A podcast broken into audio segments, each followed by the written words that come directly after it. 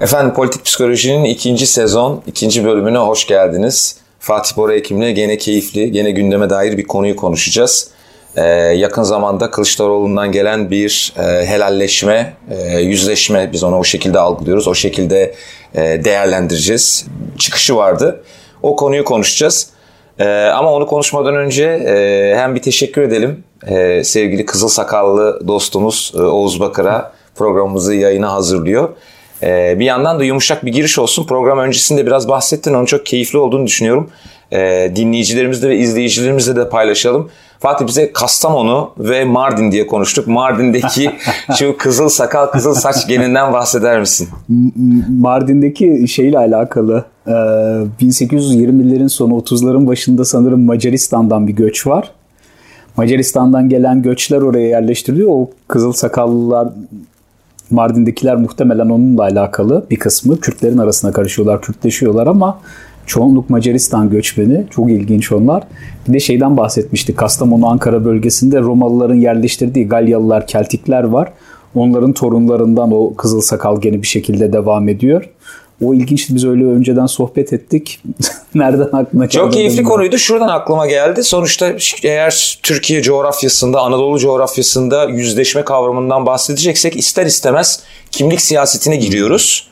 Ee, dolayısıyla böyle bir yumuşak giriş olsun dedim. Hem bu karışıklığı, bu renkliliği, bu güzelliği yani karışıklığı e, negatif bir çağrışımda kullanmıyorum. Olumsuz bir çağrışımda kullanmıyorum. Ama bu e, renkliliğin, e, bu karışıklığın e, farkına ol, varmak lazım, farkında olmak lazım. E, çünkü e, sen şimdi daha detaylı gireceksin. Belki de e, bu yüzleşme hadisesi e, biraz da bu farkındalıkla başlıyor gibi geliyor bana. Ya aslında yüzleşmeden ziyade ben helalleşmede biraz daha kalma taraftarıyım. Peki. Helalleşme yani yüzleşme dediğin zaman biraz daha sert bir tanım olabilir orada. Çünkü yüzleşelim ve kavgamızı verelim evet. gibi bir yere geliyor. Helalleşme aslında biraz daha yukarıdan babacan bir tondan geliyor. Hani Hı. hem İslami bir referansı var. Çünkü bir taraftan e, mesajın verildiği yerin ana unsuru aslında o gerilim hattı CHP'nin sembolize ettiği yerden ana gerilim hattı ülkedeki dindarlara yönelik. Evet. Anladığım kadarıyla da temelde de mesajın gittiği yer orası. Oradan dolayı bir helalleşme Hani gelin bu buradan bir helalleşelim ve yukarıdan babacan bir tavırla artık bu defteri kapatalım bir şekilde. Aslında söylediğim ben çok beğendim Kılıçdaroğlu'nun bu çıkışını. Güzel bir çıkıştı. Çünkü helalleşelim, biz bu defteri kapatalım, önümüze bakalım. Evet. Çünkü tarihe gidip tıkanmak, tarihteki olan olmuş olayları geçip tıkanmaktan bahsetmiyor burada. Ben de öyle algılamadım. Olması gereken de bu şekilde. Çünkü bu helalleşme meselesi daha sonra birazdan gireceğiz daha detaylı. Travma meselesi ve travmaların sonrasında travmaların nasıl aşıldığı ile ilgili biraz bahsedeceğim. Üstünü örterek geçemiyoruz burada. Bir şekilde oradan açacağız. Açıp kavgayı vermek, tarihte tıkanmak da değil bu. Aslında şimdi ve burada, bugün burada olabilmek, bugünün problemlerine bakabilmek için geçmişteki yükümüzü bir nebze de olsun boşaltabilmek tekrar eden döngülerimizden kısmen kurtulabilmek, nasıl bir bireyin kendi hayatında döngüleri varsa oradan tıkanıp devam ediyorsa işte çocuklukta babasıyla kurduğu ilişki bugün iş yerinde patronuyla kurduğu ilişkiyi etkiliyorsa, eşiyle kurduğu ilişkiyi etkiliyorsa aslında o çok geçmişe dair bir şey de olsa bugünü nasıl etkiliyorsa bir şekilde oradan helal, helalleşmek, karşılıklı affetmek, anlayış göstermek ve buradan sonra bugünü onarmak ve geleceği inşa etmek için geçmişteki kısımların en azından ifade edilmesi ve karşılıklı anlayış gösterilmesi gerekir bence. Bu sen hatalıydın, ben hatalıydım, sen şu suçu işledin diye e, suçlamak da değil. Ama kısmen burada ben bu öfkeyi yaşadım, ben bu sıkıntıyı yaşadım diyebilmek toplumun ihtiyacıdır. Toplum inşa edebilmek için ihtiyaçtır. Bireyi inşa edebilmek için de bu ihtiyaçtır. İşte karşılıklı bir ilişkide yaşandıysa, geçmişe dönük e, neler yaşadıysa kişiler, ne travmalar yaşadıysa bunları itiraf etmesi, bunları su üstüne, su üstüne çıkması ve ondan sonra devam edebilmesi gerekir. Bence bu çok güzel bir adımdı. Evet. Ne kadar tamamlanır, nereye varır onu tarih gösterecek, zaman gösterecek ama Bence çok güzel bir çıkıştı ve bence toplum olarak yeniden inşa etmemiz için de böyle bir girişe ihtiyacımız var. Yani çok ulvi bir amaçla yapıldığı, çok böyle altruistik bir bakış açısıyla yapıldığı ortada ama belki ben e, en son söylemem gereken şeyi en başta söyleyi e, vermiş olayım yani söyleyivereyim. Ya idea düzeyinden aslında ne kadar doğru, ne kadar karşı çıkılamaz bir çıkış olsa da ve e, bence müthiş bir siyasi adım. Ee, biz bugün biraz işin tabii biraz daha psikolojik ve sosyolojik yönünü konuşacağız. Yani sosyolojik düzeyde ben e, maalesef bunun gerçekleştirilebileceğine inanmıyorum. Çünkü e, öyle bir toplumsal mutabakat olduğunu düşünmüyorum. E, genel olarak Türkiye'de hakim zihin yapısına, zihniyet düzeyinden baktığımızda da e, bunun bir noktadan sonra ama sen de şunu yapmıştın, önce sen özür dile. E, ama işte ben bunu yapmıştım da bunun şöyle bir sebebi vardı falan gibi bir yere gideceğini düşünüyorum. İlaveten de o kadar çok e, helalleşilmesi gereken kesim var ki. Ha, doğru. O kadar çok helalleşilmesi. Yani Kürtlerle helal, helalleşeceksin. E, Ermenilerle helalleşmen lazım. E, çok yakın tarihte gene konuşuldu. Varlık vergisi mağdurları var. 6-7 Eylül mağdurları var. Bunlarla helalleşmen lazım. E, başka bir soru. E, biliyorsun bir dönem çok daha gündemdeydi. E, Avrupa İnsan Hakları Mahkemesi'nin kararı neticesinde Türkiye Loizidu davasında 1 milyon 100 bin euro tazminat ödedi. Ne için ödedi? Loizidu Hanım o mala karşılık değil. Bu kadar süredir o malına ulaşamamasının karşılığı olarak ödedi. E yani Kıbrıs adasında yüzleşmen gerekenler var. Bitti mi? Bitmedi. Bitmedi. Yani şu anda belki sezgisel düzeyde diyelim çünkü pozitif hukukun maalesef ayaklar altında olduğunu biliyoruz. Ee, daha hakkında iddianame olmadan, doğru düzgün bir savcılık iddianamesi olmadan senelerdir Osman Kavala hapiste. Ee, onunla yüzleşmen lazım. Onun gibi bir sürü isim var yüzleşmen gereken. Yani hangi biriyle yüzleşeceksin ve tabii sonuçta burada bunu bir toplumsal olarak yapmak başka bir şey ama burada bahsettiğimiz aslında burada devletin, devlet erkinin bununla yüzleşmesi gerekiyor. Helalleşmesi gerekiyor. Yani bu helalleşme de bana kalırsa böyle ya tamam işte olan oldu biten bitti. Ya şimdi bir miktar tazminat ödenmesi lazım. Bütün dünyada bunun örnekleri bu şekilde. Şimdi zorunlu göç mağdurlarıyla devlet zamanında yüzleşti. Ben de TESEV'in bir projesi içinde belki takip ediyordur sevgili Dilek Kurban'la e, o projeyi yürüttüm.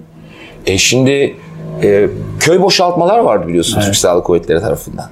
E şimdi oralarda tazminatlar ödendi. Yani insanların bahçelerindeki ağaç sayısına kadar hesap edilip e, kaybettikleri ya da artık sahip olmadıkları hayvan küçükbaş büyükbaş hayvan sayılarına kadar hesap edilip evlerin büyüklüğüne arazinin büyüklüğüne kadar tazminatlar ödendi. Şimdi dolayısıyla dediğim gibi bu tabii ki arzu ettiğimiz keşke yapılsa dediğimiz ama bana kalırsa sosyolojik olarak yani bunun gerçekleştirilmesi çok da mümkün değil. Ama bir yandan da özür diliyorum biraz fazla uzun tuttum ama e, karşı çıkılamayacak bir siyasi e, pozisyon yarattı. Yani kimsenin hayır efendim yüzleşmeyelim e, deme şansı yok. Yani müthiş bir açmazlar yaptı. Bunu Tayyip Erdoğan yapıyordu zamanında. Öyle bir pozisyon kuruyordu ki yani hem oyunu e, lead ediyor diyeyim yani oyunu kendisi belirliyor. Şimdi artık görüyoruz ki e, muhalefet Türkiye'de siyasi muhalefet yavaş yavaş oyunu belirleme, oyun kurucu olma e, pozisyonuna, konumuna doğru geliyor. Bize biraz bu e, gözünü seveyim şeyi anlat. Yüzleşmenin e, aslında bir nasıl psikolojik ihtiyaç olduğu, psikoloji veya psikoterapi düzeyinden baktığımızda ne kadar yapılabileceği hala daha benim bildiğim kadarıyla 1968-1969'da Elizabeth Kübler-Ross'un tanımladığı o beş aşamalı yaz sürecinden bahsediyoruz. Biraz sanki o sürece girip o süreçten çıkılması gerekiyor. O travmanın atlatılabilmesi için. Şimdi şöyle ben söyleyeyim. Senin söylediklerinden toparlamaya çalışırsam. Birincisi sosyolojik seviyeden gelirsek şöyle bir durum var. Devletin geri dönüp bütün yaptıklarından dolayı özür dileyip tazminatları ödemesi vesairesi meselesi değil aslında tam olarak burada olan. Aslında toplum kendi içerisinde meselelerini gün yüzüne çıkartıp ben gene helalleşmeye geçeceğim. Karşılıklı insanlar helalleşecekler. Bu parça parça olur. Yapamayan insanlar da olacak evet. ama burada söylev belirleme var yukarıdan bir söylev, bir diskors belirleniyor. İşte daha post Marksist Gramsci'nin falan girersek aslında üst yapıda bir yeni söz söylenmiş oluyor ve belki de norm buna doğru gidecek. Yani kutuplaştırmaya devam ettirmeyelim çünkü norm sanırım Türk siyasetinde son 20 yıldır kutuplaşma üzerine ve son 10 yılda bu iyice gerilimi artırmıştı. Şimdi kutuplaştırma üzerinden değil de söylevi şey üzerinden yapalım. Daha birleştirici unsurlar üzerinden yapalım ve bunun üstünden yeni bir toplum inşa etme yolunda hep beraber hareket edelim gibi bir söylev geliştirmiş oldu.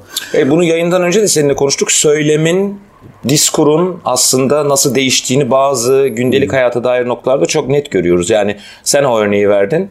E, erkek hmm, e, karısını evet. dövüyordu ve ben karımı dövüyorum diyebiliyordu. Kadın dövülür. Kadın dövülür Kadının gibi. dövülür. Evet ya da dövülebilir. Bunu Ama bu artık mesela bugün ciddi anlamda değişti. E, bu tabii işin başı bana kalırsa çok da e, verimli bir zemin.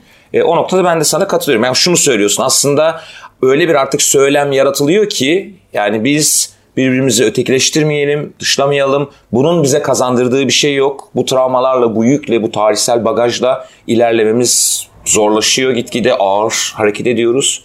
Doğru mu anlıyorum? Doğru doğru işte bu bunun devamını yapabilmek için devlet geri dönüp devlet erkenin bütün bu yüzleşme sürecini yürütmesi, devam ettirmesi gerekmiyor. Bu bir bürokratik devlet projesi olamaz zaten. Hı hı.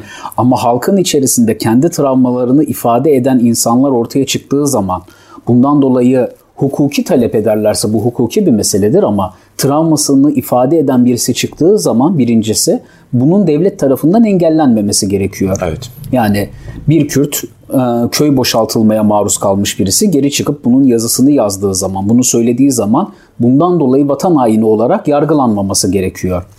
Bir Ermeni başına gelen hikayeleri anlattığı zaman bundan dolayı e, kendi yaşadığı travmasını ifade etmesini devletin engellememesi gerekiyor. Bu birinci tarafı.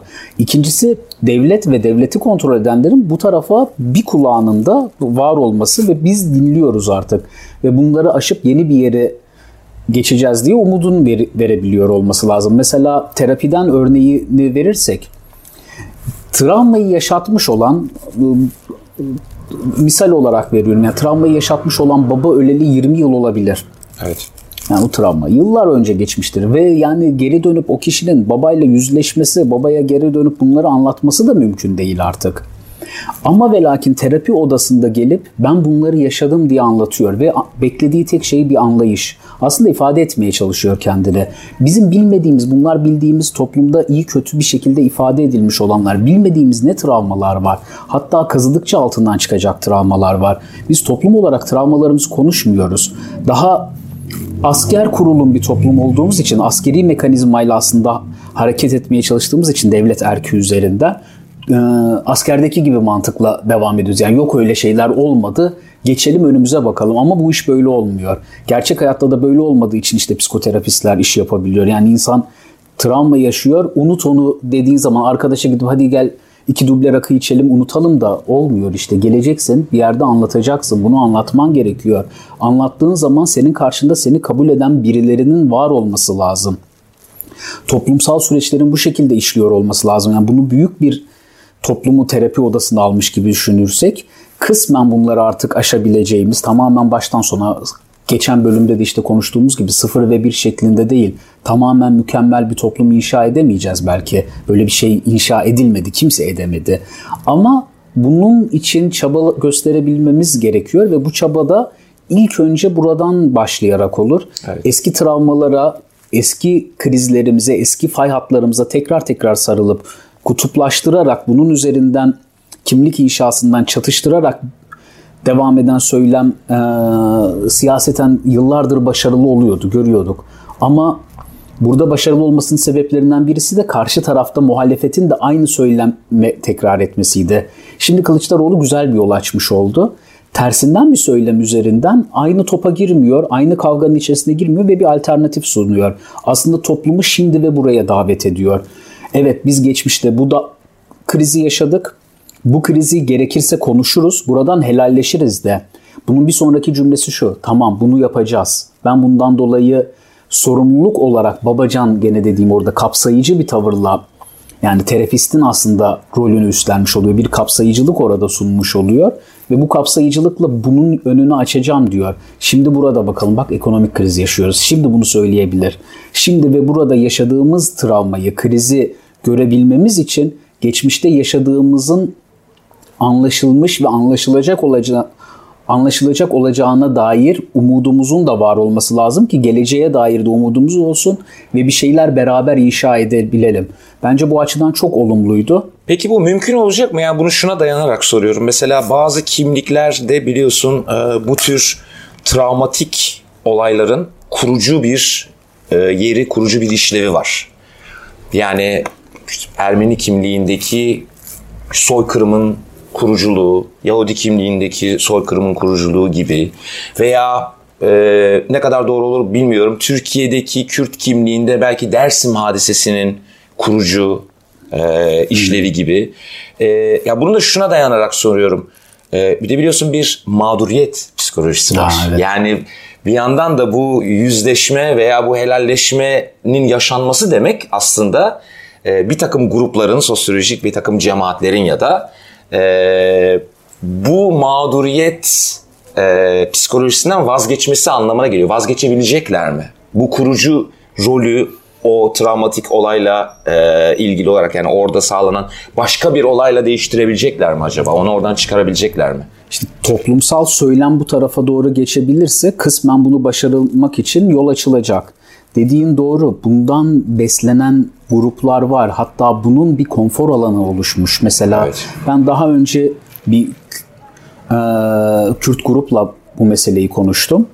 Suça bulaşmış işte tarla başının içerisinde bir grupla hani ben de dedim ben uzman psikoloğum burada konuşabiliriz beraber. Çünkü burada bir uyuşturucu döngüsü var ve bununla ilgili bir şey yapılabilir.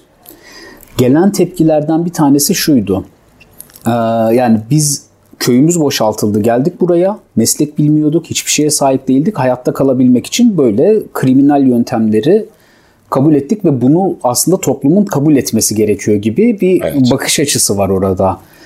Bu aslında çocuksu. Hani şöyle düşünelim. Çocukken babam beni dövdü. Ben çok zulüme maruz kaldım. Dolayısıyla bu saatten sonra ne yapsam revadır bana yani. Bu ha, buna hakkım var. Buna hakkım var da ters bir yerden bakış açısı. Evet yani artık olgunlaşman gerekiyor. Şu anda o travmanın kesilmesi gerekiyor. Bu bir tarafı yani bu tarafta işte köy boşaltma ve benzeri şeyler şimdi bu da tamamen bitmiş değil.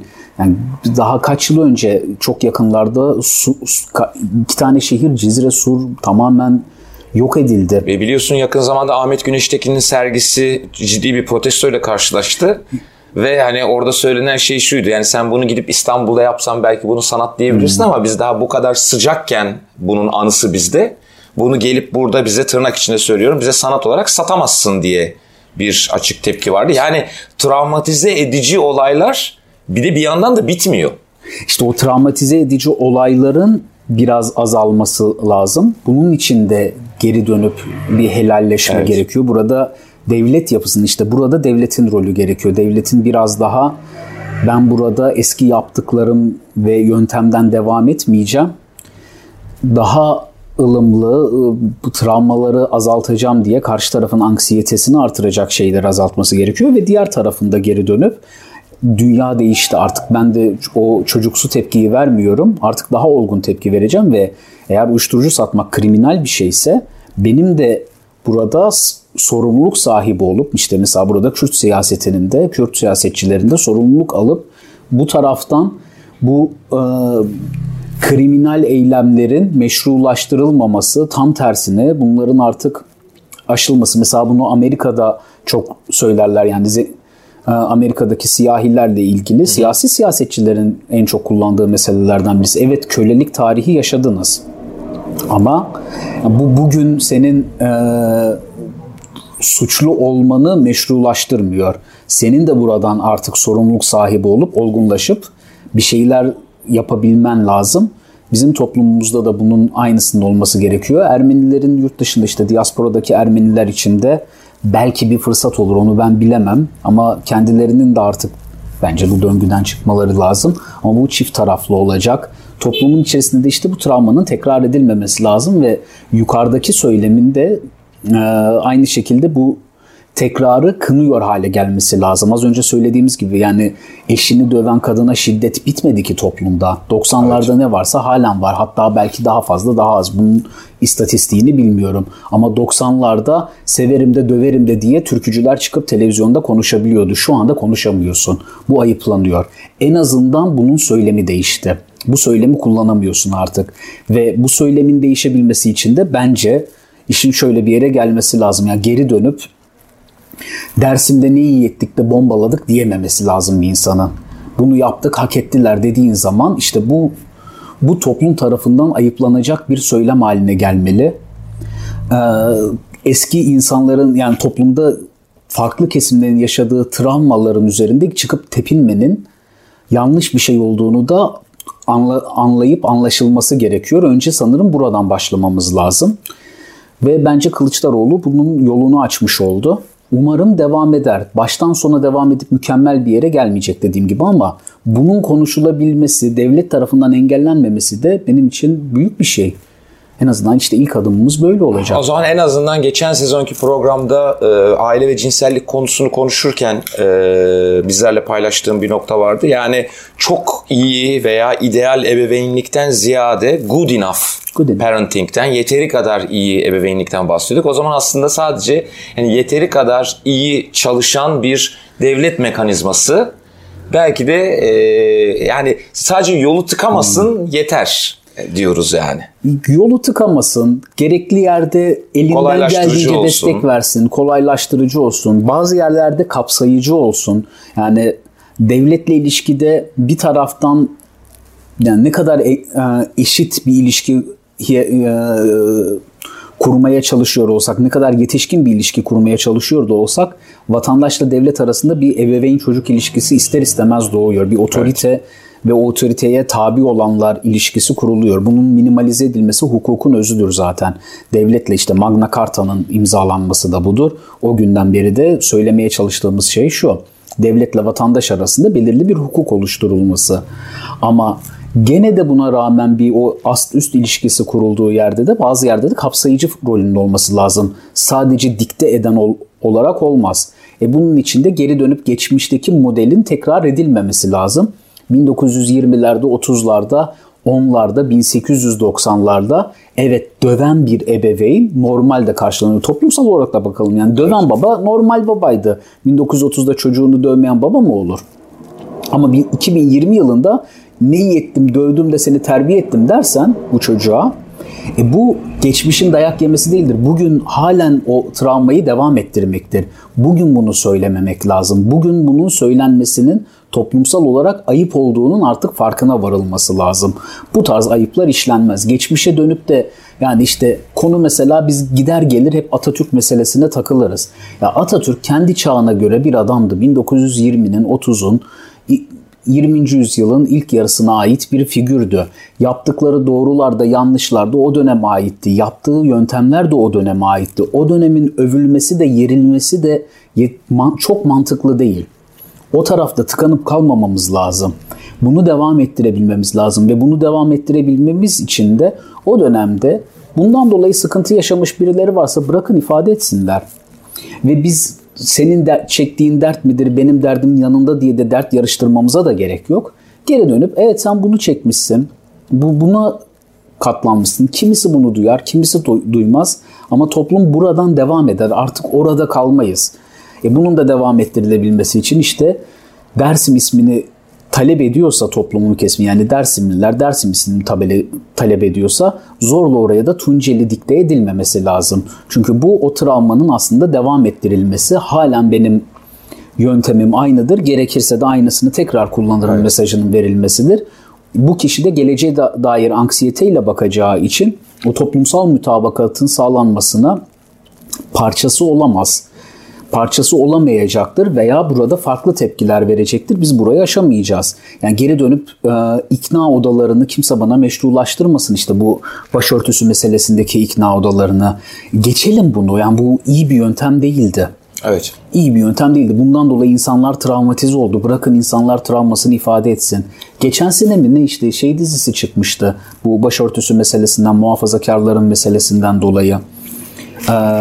Bir Başkadır dizisinde işte evet. kısmen bahsedildi. Evet. Ve ilk defa televizyonda bahsedildi bu meseleden. Siyaseten çok konuştuk ama medyada bu konuşulmadı ve o belirli bir derecede katarsis etkisi gösterdi toplumda. Bir kısım en azından bak biz bunu yaşamıştık karşı tarafta anladı diyebildi. E burada diğer travmalar da var. Mesela hiç konuşmadığımız Türkiye'de gerçekten özellikle Kafkasya, Kırım ve Balkanlardan hicret edenlerin, muhacirlerin yaşadığı travmalar var. Hiç konuşmadık üstüne. O kadar çok konuşmamışız ki biz bu göç meselesini. Evet. E, Kürtlerin yaşadıkları travmalar 100 yıldır devam ediyor biliyoruz. Yani iyi kötü artık toplumda konuşulur hale geldi ve bunlar kavga meselesi değildi. Bırakalım anlatsın insanlar ve biz dinleyelim yerine geçmemiz gerekiyor artık. Toplumsal olarak o olgunluğa ulaşmamız gerekiyor diye düşünüyorum. Aslında öyle görünüyor ki gene bir e, yani çok yakın zamanda e, şimdi az sonra biraz daha ne söylediğimi açıklamaya çalışacağım. Bir yine e, rejim değişikliğine doğru gidiyoruz. Yani bunu şu şekilde kullanıyorum. 1923'te devlet kurulduktan sonra işte 1945'e geldiğimizde aslında aynı devlet içinde ama farklı bir rejime geçiliyor. 1960'a geldiğimizde yine farklı bir rejime geçiliyor. Anayasa değişikliğiyle vesaire. Sadece bir, bir anayasa değişikliğiyle değil bir yandan da yeni bir e, yönetim zihni mantığıyla. Hmm. E, 1980'e geldiğimizde hakeza e, 2001'de de aslında gene bir rejim değişikliği vardı. Yani yaklaşık 20 senede bir yenilenmesi gerekiyor. Bunu işte İbn Haldun'un siyaset sosyolojisi yaklaşımına da bağlayabilirsin. Başka gene bu şekilde böyle devleti yaşayan bir organizma gibi gören ve bunun bir ömrü olduğunu söyleyen rejimi ya da e, yaklaşımlar var. Yani bu şeyi çok önemli. Akademik veya teorik altyapısı çok önemli değil ama bir yandan da o zaman Kılıçdaroğlu belki de bu yeni rejimin nasıl olacağı ile ilgili böyle sinyaller vermeye devam ediyor. Yani farklı bir yaklaşımla aslında e, yönetmeye çalışacağız demeye geliyor. Bir yandan da tabii e, yönetime ne kadar talip olduğunu, ne kadar istekli olduğunu da e, bize ve toplumun geniş kitlelerine gösteriyor oluyor. Yani bunu ben, ben verimli ve faydalı buluyorum. Olumlu olumlu buluyorum bunu açıkçası. Kesinlikle katılıyorum sana. Zaten Erdoğan 2001'de 3 aşağı 5 yukarı bunu yapmaya evet. çalışmıştı. Ve bir şekilde de ifade etti. Hatta işte o balkon konuşmaları vesaire de bir çeşit biz de o 90'ların döngüsünden çıkıp yeni bir kapsayıcı devlet inşa edeceğiz demişti. Vardığımız nokta bambaşka bir nokta oldu. Şimdi bu daha kötüye gidecek vesaire diye söylemiyorum ama toplumda bir karşılığı var. Toplumun buradan beklentisi aslında bu. Biz çatışmayı, çatışmadan beslenenler elbette olacak. Çatışmadan beslenen kişiler de vardır, gruplar da vardır. Psikolojik yapısı buna yatkın olan kişiler de vardır. Ama ekseriyet bunu istemez. Çünkü insan zihni ve ruhu iyiye yöneliktir aslında. Bizim psikoterapide en temel e, inancımız budur. İnsan iyiye yönelmeye, doğruya yönelmeye fıtrat üzeridir. Fıtratımız bunun üzerinedir. Bu tarafa doğru kanal açılırsa biz bu tarafa doğru meylederiz zaten. Bunun da gene işte Gramsci'nin söylediği gibi aslında üst yapıdan destekleniyor. Üst yapıdan bunun söyleminin önce kuruluyor olması lazım ki toplum da bu üst yapıda kurulan düzene doğru akmaya başlasın. Siz kışkırtırsanız yukarıda bunu aşağıdaki de kışkırtılır. Orada da çatışmayı körüklersiniz. Bu da mümkün. Ama tersini kurmak da mümkün. Ve bu tersini kurmak da siyasetçilerin, toplumun kamu liderlerinin, kamusal kişilerin bence tarihi sorumluluğu eğer inanıyorlarsa Allah'a karşı sorumlulukları ne diyeyim yani bu, bu insani sorumlulukları ve bence insanların bu sorumluluğu alması lazım. Yoksa bir koltuk için veya bir siyasi ünvan için bunu yapmak yani siyasetçiyi de mutlu etmez. Yani o onlar hakikat değil biraz da verici olmak, bir şeyler inşa ediyor olmanın mutluluğunu yaşaması lazım. Bunu da bildiği kadar yapar senin de söylediğin gibi yani 1920'de baba olan kişi işte Atatürk atamız babamız diyoruz. O 1920 modeldi ve 1920'nin ebeveynlik modeliyle bir toplum kurdu. 2020'de toplum farklı şeyler talep edebilir. Bunun da görülmesi, bunun da anlaşılması lazım. Bunu tekrar etmekte de beis yok. 1920'de yaptığımız hatadan dolayı geri dönüp suçlamak da gerekmiyor. Çünkü o o döneme aitti. Bu bu döneme ait Ama bu dönemde dediğim gibi işte travma yaşamış olan varsa, 1980'de travma yaşamış olanlar varsa, 12 Eylül'de yaşayanlar, 12 Eylül'de hapishanelerde unutulan adamları biz doğru dürüst duyamadık bile. Seslerini o 12 Eylül rejimi yıllarca kesti. Yani neler yaşandı bilmiyoruz. Kısmen biliyoruz, kısmen konuşuldu, kısmen de konuşulmadı. Diyarbakır cezaevinde neler yaşandığı yıllar sonra ortaya çıktı ve halen toplumun içerisinde gerekliymiş de yapılmış diyenler var. Tabii çok e, yakın zamanda e, fotoğrafkonuşmaları.com'da e, haber fotoğrafçısı Balkan Kutupluoğlu'nun yaptığı bir konuşma, verdiği bir mülakat var. Ee, ve işte İzmir'de, e, Buca cezaevinde, Diyarbakır cezaevinde unutulmuş insanlar olduğunu söylüyor. Yani unutulmuş anlamında unutulmuş da tabii yani konulmuş orada unutulmuş değil yani artık göz ardı edilmeye başlanmış. Yani artık bireysel kimlikleri hatta insanlıkları bile unutulmuş insanlar. Yani bunların hepsiyle eğer böyle bir helalleşme olacaksa o hepsiyle olması lazım. Tabii ki belki topyekun olmayacak bunlar. Ama işte bu bir anlamda da bu gruplar için de bu aidiyetler, bu kimlikler için de bir fırsattır.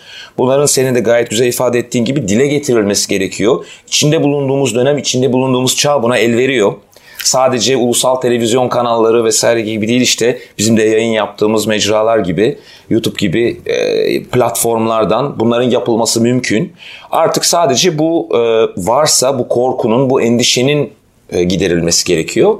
Ve bir anlamda yani artık herkesin e, biraz daha ayağa kalkıp kendini net bir şekilde ifade etmesi, mağduriyetinin nereden kaynaklandığını düşündüğünü iyi ifade etmesi gerekiyor. E, sen Marksist terminolojiden gittiğin için ben de öyle bir e, yerden bir soru sorayım sana. E, peki böyle bir aslında e, keskin tabakalaşmanın olduğu bir toplumda, Türkiye toplumunu kastediyorum. Ee, bir takım kimliklere biz hali hazırda ikinci hatta üçüncü sınıf vatandaş muamelesi yaparken mesela bir de bunun tabi şimdi üst yapıdan bahsettin sen Gramsci referansıyla e, bir de bir e, altyapı e, boyutu var. Yani biz mesela e, Türkiye'deki işte işletmeciler, Türkiye'de işverenler olarak bu gelir adaletsizliğini veya eşit işe eşit ücret gibi yaklaşımları benimseyebilecek miyiz? Yani kadınlar hala daha Türkiye'de benzer işleri yaptıkları erkeklere göre daha az maaş alıyorlar. Bu dünyanın çoğu yerinde de öyle. Çünkü bana öyle geliyor ki bu yüzleşmenin, bu helalleşmenin yaşanabilmesinin bir de böyle bir altyapı boyutu var. Yani bu sadece sözde kalırsa zaten hiçbir anlamı yok, karşılığı yok. Yani bunun bir anlamda hayatımızdaki başka noktalardan da işte iş mesleki hayat, iş hayatı, işte sosyal hayat, toplumsal hayat gibi noktalarda da yansımalarının olması gerektiğini düşünüyorum. Oradan da desteklenmesi gerekiyor. Hani tamam şunu itirazım yok. Tabii ki üst yapıdan bir söylem değişikliğiyle bunun belki zemini hazırlanmalı ama bunun bir yandan da gündelik her gün yaşadığımız olaylar üzerinde de e, bir temeli olması lazım. Toplumsal dinamikler bu tarz bir dönüşüme kısmen hazır. Kısmen hazır. Yani dediğim gibi yani yukarıdan da bir söylem değişikliği burayı tetikleyebilir.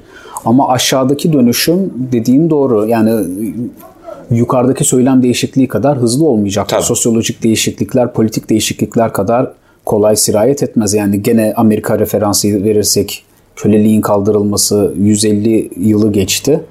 Ama ve lakin siyahilerin ayrımcılığa maruz kalması tamamlanmış bir süreç değil. Tabii.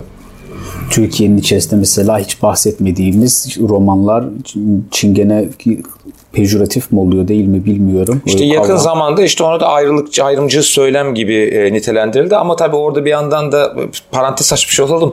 E, biliyorsun Zizek falan da bu e, hmm. siyasi doğruculuğun, Doğruculuk. political correctness'ın bir anlamda e, ifade özgürlüğü önünde çok evet. ciddi bir engel olduğunu da söylüyor. Yani bunların farkında olduğumuzu söyleyelim. Söyleyerek yani kötü niyetli veya olumsuz bir çağrışımla kullanmıyoruz. Yani romanlar veya tırnak içinde söyleyelim çingenelerin toplumda maruz kaldığı muhtemelen en fazla travmaya Tabii. maruz kalan kesimlerden bir tanesi. Ve neredeyse hiç bahsedilmiyor yaşadıklarından. Evet. Ben Tophane'de yaşıyorum. İşte Roman vatandaşlar bizim mahallemizde de çoktur. İş bulmak konusunda çok sıkıntı çekerler. Çok da kabul edilmezler aynı işe. Yani çünkü toplumsal ön yargı var. Hırsızlık mı yapacak diye ön yargı sahibi toplumun geneli.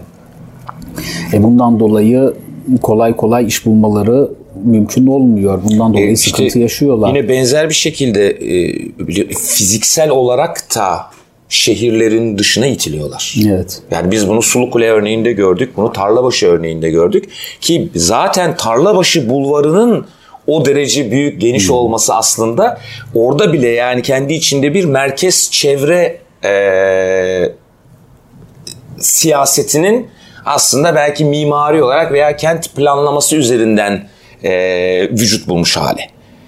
Yani ve bu devam etmeye sürmeye devam ediyor. Yani hala daha bu yaklaşımlar devam ediyor ve bana kalırsa bu kimlikler, bu gruplar e, böyle bir e, çerçeve yerleştirildiğinde artık bunu da görmek isteyecek. Yani bizim de toplumsal olarak buna hazır olmamız gerekiyor. Evet doğru. Bunda bir ama az önce söylediğimden bir mesele daha var. Türkiye yapı olarak buna çok müsait değil. Hani Amerika'daki gibi siyaseten doğruculuk, political correctness'a şimdilik çok uzaktayız evet. aslında. Yani or- oradan çok uzakta bir yerde duruyoruz. O tarafa meyleder miyiz bilmiyorum ama gene bu meselede de ifrat ve tefrite kaçmamamız gerekiyor. Orada da Amerika yanlış bir şey yaptı bana sorarsanız. Evet. Bütün meselenin üstünü örtmenin başka bir versiyonu haline geliyor bu. O zaman sen istediğini söyle, istediğinden dert yan. Bundan dolayı işte çocuk kalmaya devam et demektir bu. Hayır. Yaşadığın problemi anlat şu an bir sıkıntı çekiyorsan bununla yüzleşmeye devam edelim. Ama bir zahmet sen de sorumluluğunu alacaksın bundan sonra. Az önce işte e, köy boşaltmadan dolayı büyük şehre gelip kriminal e, bir hayata ent, dön, e, kriminal bir hayata geçmiş Kürtler için söylediğim, Kürt vatandaşlar için söylediğimin aynısı geçerli. Yani bunu yaşamışsın. Evet devlet sana bundan dolayı ne yapması gerekiyorsa yapabilir. Sen bundan yaşayı, dolayı yaşadığın sıkıntıların hem hukuken hem de toplumsal olarak hakkını arayabilirsin, ifade edebilirsin kendini. Ama bir zahmet senin de geri dönüp bu sefer kendine bakıp ben ne yapıyorum? Olgunlaşmak için ne yapmam gerekiyor?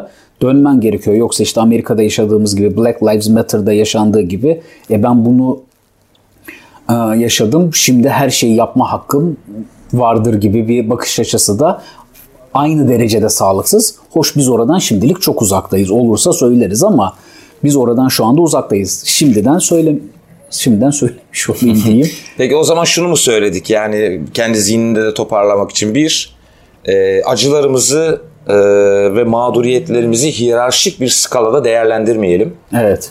Yani seninki şu kadardı ama benimki de bu kadar vesaire gibi. İki, bu mağduriyet psikolojisinden bir an önce kurtulalım ve e, şimdiye, bugüne bir an önce geri gelelim ve e, önümüze bakmaya çalışalım en azından evet. yani.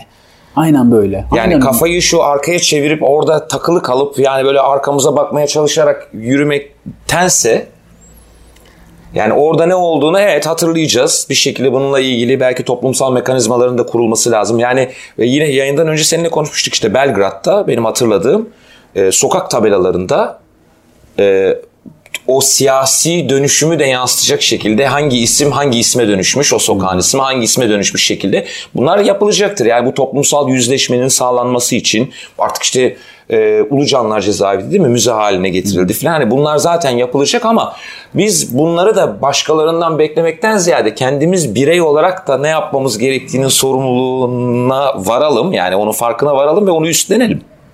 Bence de. Bence de yapılması gereken bu. Hatta bu olduktan sonra bunun bir göstergesi olacak toplumda. Yayından önce işte bu başlığı yapacağımızı İlkan'la bir konuşmuştuk. O da bahsetti. Konuyla ilgili alakalı meselemiz şurada tıkanıyor. Bizim toplumun tarih merakı da buradan. Toplum çünkü tarihle yüzleşememiş, o tarafı üstün körü geçtiğimiz için çok merak ediyor. Orası saklı gizli oda gibi duruyor ve o saklı gizli odaya girmiş olmanın heyecanı var. O küçük çocuğa odayı kapatırsın, kilitlersin, buraya girilmez dersin de çocuk en çok orayı merak eder ya. Toplum olarak biz buradayız. Tarihi bu yüzden çok merak ediyoruz. Çünkü bir şeylerin yanlış olduğunun farkındayız. Tabii. Söylemiyoruz, konuşmuyoruz. Orayı kapatmışız. Resmi bir söylem var ve bu resmi söylemden fazlasını söylemek ayıptır, günahtır, yasaktır. Başına ne geleceğini de çok bilemezsin. Bu sadece geçmişe ait bir travma olmuyor işte. O zaman bugün ait bir travma oluyor. Bugün söyleyememen geçmişin travması değildir, bugünün travmasıdır. Ve bugünün travmasının da önce devlet tarafından yukarıdaki yapı tarafından kaldırılması gerekiyor ki aşağıdaki mesele biraz kendini boşaltsın. Boşalttığı zaman az önce söylediğimiz gibi ifrata tefrite kaçanlar olacaktır. Ama burada makulü insanoğlu bir yerden sonra inşa etmeye teşnedir. Temel varsayımımız bunun üzerine. Eğer üst yapıda bunu kısmen kontrol edebilirse, kısmen kapsayıcılığı bulabilirse biz buraya yavaş yavaş akacağız. Benim beklentim bu yönde. Kılıçdaroğlu da bunun söylemini açtı. Bu güzel, olumlu, yapıcı bir söylem. Toplumda umarım karşılık bulur. Bunun karşılık bulabilmesi için, toplumda karşılık bulabilmesi için siyasette karşılık bulması lazım evet. önce. Siyasette kendi partisinin içerisinde de karşılık bulabilir. Tersinden beslenen siyasi figürler yok mu? Varlar. Zaten hemen itiraz edenler onlar oldu. İki taraftan da iktidarın içerisinden de hemen karşı çıkanlar oldu ve aynı şekilde muhalefetin içerisinden de hemen karşı çıkanlar oldu. Aslında onlar birbirleriyle çekişmekten dolayı varlıklarını devam ettiren yapılardı ve bu iki yapının birbiriyle kavgayı sürdürmek istemesinden daha doğal bir durumları yok bu, kendileri için. Ya bunun başka bir yansımasını çok yakın zamanda gördük. Siyasetin e, tabii ki böyle kirli figürleri her zaman olacaktır hmm. veya siyaseti e, bu şekilde kirletmeye çalışanlar olacaktır. Yani İstanbul Büyükşehir Belediyesi'nin köpeğini suç atmak için adam cebinde dışkı taşıyıp götürüp koymuş ve o görüntüler yayınlanmasa yani o kamera görüntüleri yayınlanmasa oradan siyaset üretmeye çalışan zihinler var hala daha bu toplumda. Evet çok çok sıkışık. Yani burada. şimdi bunu bu ve bundan daha doğal da bir şey görmüyorum. Yani şimdi bunu buna çok şaşıranlar bu sanki böyle bir başka bir dünyaya, başka bir gezegene ait bir hareketmiş gibi yaklaşanlar da var. Yani nasıl efendim böyle bir şey yapılabilir? Abi yapılıyor, gayet yapılıyor. Yani bu başka toplumlarda da yapılıyor. Bizim toplumumuzda da yapılıyor ve yapılmaya da devam edecek. Ama bizim bunlara takılmamamız lazım. Yani bunlar bir süre sonra o belki ayıplanma mekanizması üzerinden senin çok güzel altını çizdiğin bir süre sonra zaten e, yapılamaz hale gelecek. Yani kimse bunlara tenezzül etmeyecek yani veya bu bunu yapmaya cesaret edemez hale gelecek. Evet çünkü ifşa olduğu zaman bu ortaya çıktığı Tabii zaman ki. toplumsal kınama e, normumuz buna dönüştüğü zaman yani normumuz sağlıklı bir yere yaklaştıkça toplumsal normumuz, normumuz söylem seviyesinde normumuz sağlıklı bir yere yaklaştıkça bu tarz sağlıksız eylemlerinde bence etkisi azalacaktır. Umarım dediğim gibi böyle bir yola gireriz. Bir Peki kentleşen nüfusta son söylediğin şey sonra yani belki biraz uzatıyor olacağız ama yine aklımda bir şeyler e, getirdi bir takım kapılar açtı. E, ya yani gitgide kentleşen bir toplum olduğumuz düşünülürse biliyorsun bu ayıplama mekanizması aslında biraz daha o Gemeinschaft, Gesellschaft, hmm. cemaat, cemiyet yaklaşımında biraz daha cemaate, biraz daha tırnak içinde köye dair bir şeydir. Yani insanların birbirlerini yüz yüze tanıdığı, yüz yüze gördüğü, e, sosyal hayatın çok daha ortak bir vaziyette sürdüğü e, yaşam alanlarına dairdir. Biz bu ayıplama mekanizmasını daha kentleşmiş hayatımıza transfer edebilecek miyiz, yansıtabilecek miyiz? Bu derece kalabalık şehirlerde. Yani cemaat toplumundaki bu ayıplama mekanizması farklı çalışıyor. Daha bireyselden Hı-hı. çalışmakla beraber cemiyet toplumunun içerisinde de var aslında. Yani cemiyet toplumu dersen işte Batı Avrupa, Kuzey Avrupa özellikle Kuzey Batı Avrupa akla geliyor. Sokağa çöpünü atamıyorsun. Doğru. Yani o ayıplama mekanizması orada da var. Tabii o ayıplamanın karşısından çıkan e, mekanizma farklı. Orada bunu yaptığın zaman bireysel olarak suçlanıp o utanç duygusuyla hareket etmiyor olabilirsin tam. Çünkü yasalar belli orada, sınırlar belli ama gene de toplumsal olarak buna tepki gösteriliyor. Ortada bir polis yokken bile sigaranı yere attığın zaman ne yapılacağını, toplumun nasıl tepki vereceğini, bunu yapamazsın diye sınırını çizdiğini görürsün. Zaten bir bölümde bununla ilgili yapılmıştı. Bu kamusal alan ve evet. cemaat, cemiyet toplumu ile ilgili aslında bir yerde de onu yapmamız gerekiyor. Çünkü değişen toplumumuz bunu da gerektiriyor.